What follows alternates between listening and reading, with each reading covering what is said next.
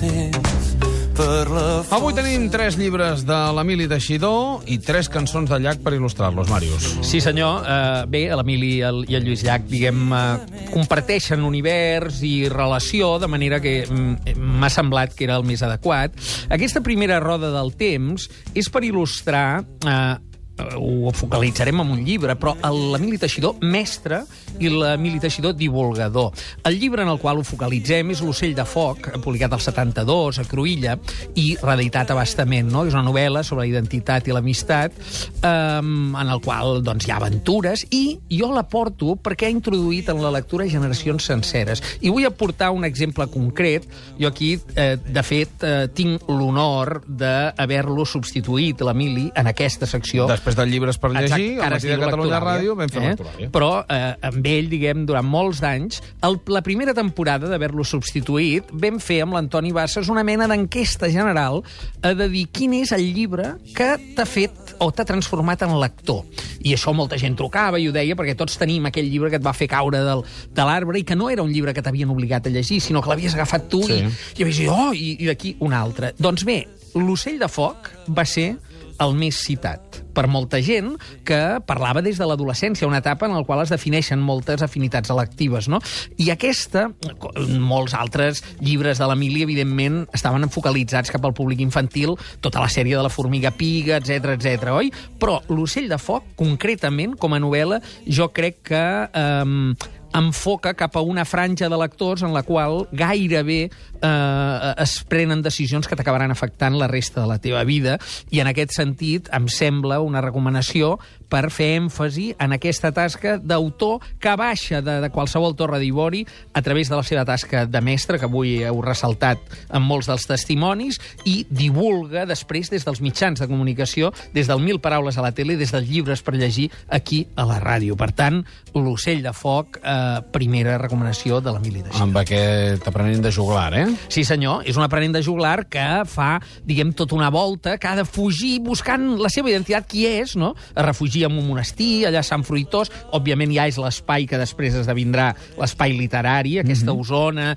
de la qual parlem, i viu moltes aventures abans de tornar-se a reunir amb els seus amics. És una novel·la sobre l'amistat i sobre La la, llengua. identitat. I la llengua, en fi, sempre fluint d'una manera molt natural, Aquest ocell de foc. i clarament, sí senyor, és aquesta mena d'esperit sant laic, diguéssim, que seria la llengua. Tenim al telèfon dos nens de 15 anys, que no sé si eh, va ser a través de l'ocell de foc que es van eh, enganxar a la lectura.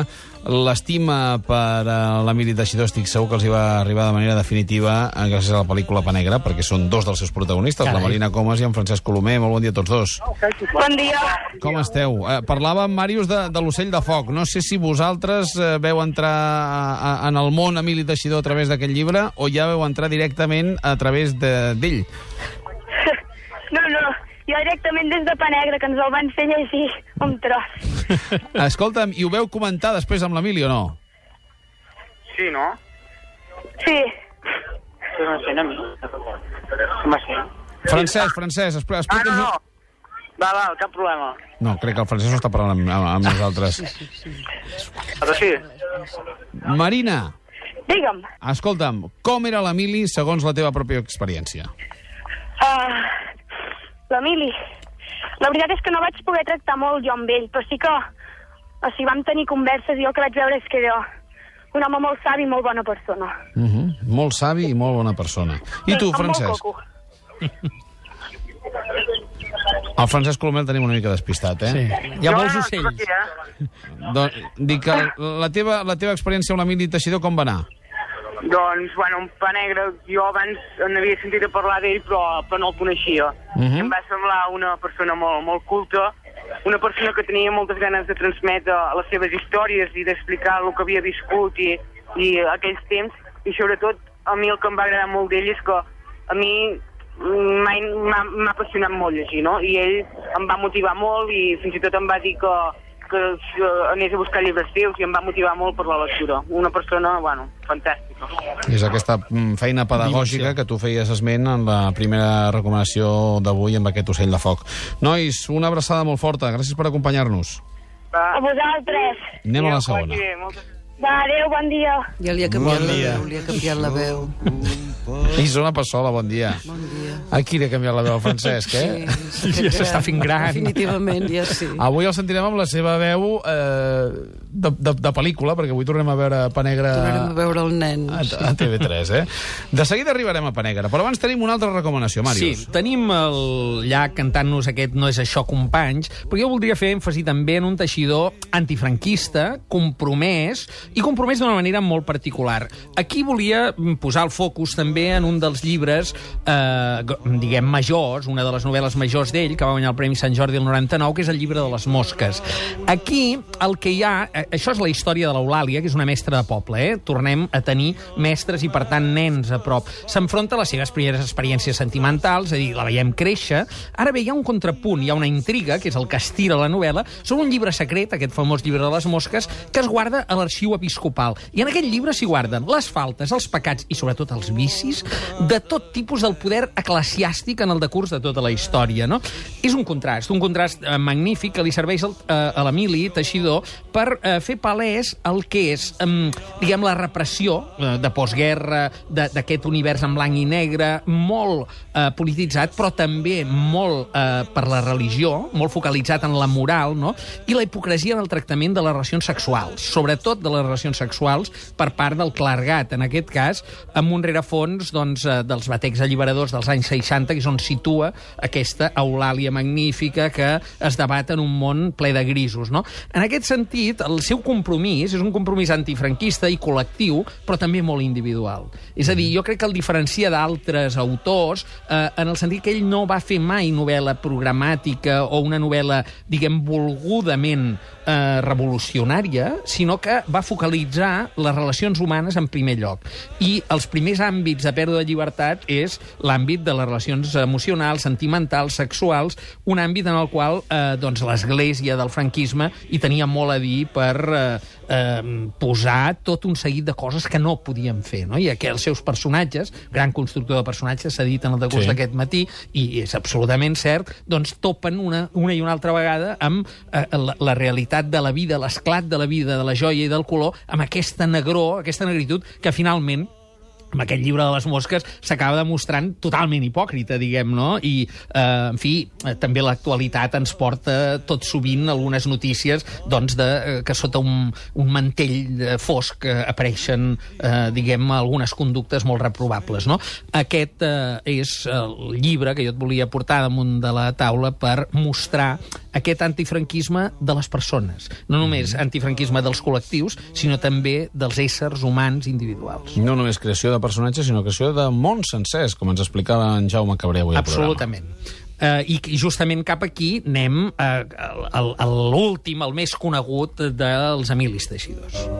Senzillament se'n va la vida. Sona un núvol blanc d'allà, que ha sigut la cançó que hem triat nosaltres avui per arribar a les 8. Sí, una gran tria, t'he de dir. Uh, I alhora uh, il·lustra aquesta parella de novel·les que conforma la pel·lícula Pa Negra, que és el retrat d'un assassí d'ocells, que és del 88, eh, que ve de molt enllà, uh, de si Gloria uh, Swanson ja venia dels 70s, i el Pa Negra, que és del 2003. No? Aquestes dues novel·les són les que s'han popularitzat en una sola història gràcies al talent a la fondre de l'Agustí Villaronga, no? En, en aquestes, I la, i la de nostra la Isona Passola, en, en, en la pel·lícula no, Pa Negra. no. Home, fent una cosa molt important, que és posar els límits al talent, diguem, i, i No, com fomentar-lo, I, no? I Zona, i crec que plegats amb l'Emili eh, veu anar a buscar l'Agustí, justament, no? Bé, sí, jo li vaig dir a l'Emili que jo mm, creia que l'Agustí ho faria molt bé i ell em va dir, com que sóc un gran fan de l'Agustí, perquè la, la pel·lícula que més m'ha agradat de la història del cine, no del cine català, és El mar, doncs ens va fer confiança i, i l'Agustí ens, va, ens va fer esperar, eh? Però al final s'ho va fer seu, que és l'única manera de que un gran director faci bé una obra i és eh, fent-se-la molt seva encara que no l'hagi escrit ell. També hi ha una part del Sic Trànsit Glòria Swanson, També, també. Eh? perquè quan el pare s'amaga, això està tret de uh, una primera versió que vaig fer al guió, vaig posar un tros del Sic Trànsit de la meva germana és ben boja, uh -huh. que aprofito per dir que com que són contes curts, que el llegeixi la gent. El Sic Trànsit Glòria Swanson és fantàstic. El retrat de l'assassí d'ocells són contets curts. Us els poseu a la tauleta de nit i així feu reviure l'Emili. I com un punt de patchwork, perquè al final estem parlant de tres llibres fets en èpoques diferents, però que, el mateix però, però que venen d'aquella biblioteca interior que deia l'Emili que portava i que després eh, Hi, hi ha una cosa... traslladava al paper. Una, una cosa magnífica en tot aquest món, que és que dibuixa un món coherent més enllà de les històries que explica. Digués, és un món unitari. Eh, quan la Isona parla de, de fer-se la seva al Villaronga, un dels fets clau és que se la fa amb un respecte eh, absolut que magnifica, que suma, que afegeix, no? Fins al punt que jo això ho he vist en molt poques pel·lícules, que hi ha un moment donat en què subtituleu retrat d'un assassí d'ocells. És a dir, que en una pel·lícula es permet posar fins i tot una nota que és un... En fi, això amb l'Emili n'havíem parlat i és com una prova d'efecte màxim de dir, no, no, a sobre t'ho referencio, eh? jo sé que t'estic aquí introduint històries d'altres eh, mons creats per tu, però, eh, diguem, ho, ho fem amb el màxim de respecte i de reverència. Ara bé, ha una de les coses claus, crec que en l'Emili en tot aquest món i en aquest, i en el pa negre especialment, que voldria destacar, és que a diferència d'altres propostes narratives o d'altres visions, eh, no eh, carrega els neulers als dolents i prou. Mm -hmm. És a dir, l'Emili, en els seus personatges i en tot el seu relat, també exerceix l'autocrítica, també mira cap endins, també eh, els seus personatges també tenen aquesta ambivalència, no? I això el fa molt gran. Si entra la maldat és perquè algú l'ha convidat. Exactament. Vull dir que no és Saps allò per de hi ha Perquè- dolents i prou. Perquè es fica l'ànima dels personatges. Jo crec que és un gran creador de personatges femenins, Mhm. mm, entra a l'ànima femenina d'una manera. Hi ha unes frases en el llibre que defineixen també la història de la dona treballadora, perquè ara ho dèiem, és que explica, eh, tothom dona per descomptat que amb la literatura burgesa doncs, es parla de les dones que no treballen, i de, però parla de les dones que pencaven 15 hores al dia, eh? i es fica tant a l'ànima d'aquestes dones, a les misèries, a les alegries, a les petiteses, que això és, el- jo crec que és el que ha donat la dimensió universal de la pel·lícula. Explica un context molt dur, i això tant l'explica en aquests tres llibres que hem citat, que és la postguerra, que ell diu que encara ho explica més suau del que va ser. Afortunadament no ho vam viure, o ho vam viure ja una mica tard De rasqui, sí. però que va ser un desastre col·lectiu i, i, i ell té molt clar qui eren els perdedors, però com que es fica molt bé dintre l'ànima humana, sempre entén La complexitat, la, la part, complexitat. la complexitat, la part de bondat dels guanyadors i la part de maldat dels per perdedors. I això, clar, li dona una credibilitat tremenda a la història. No? Tornem de seguida. Són les 11.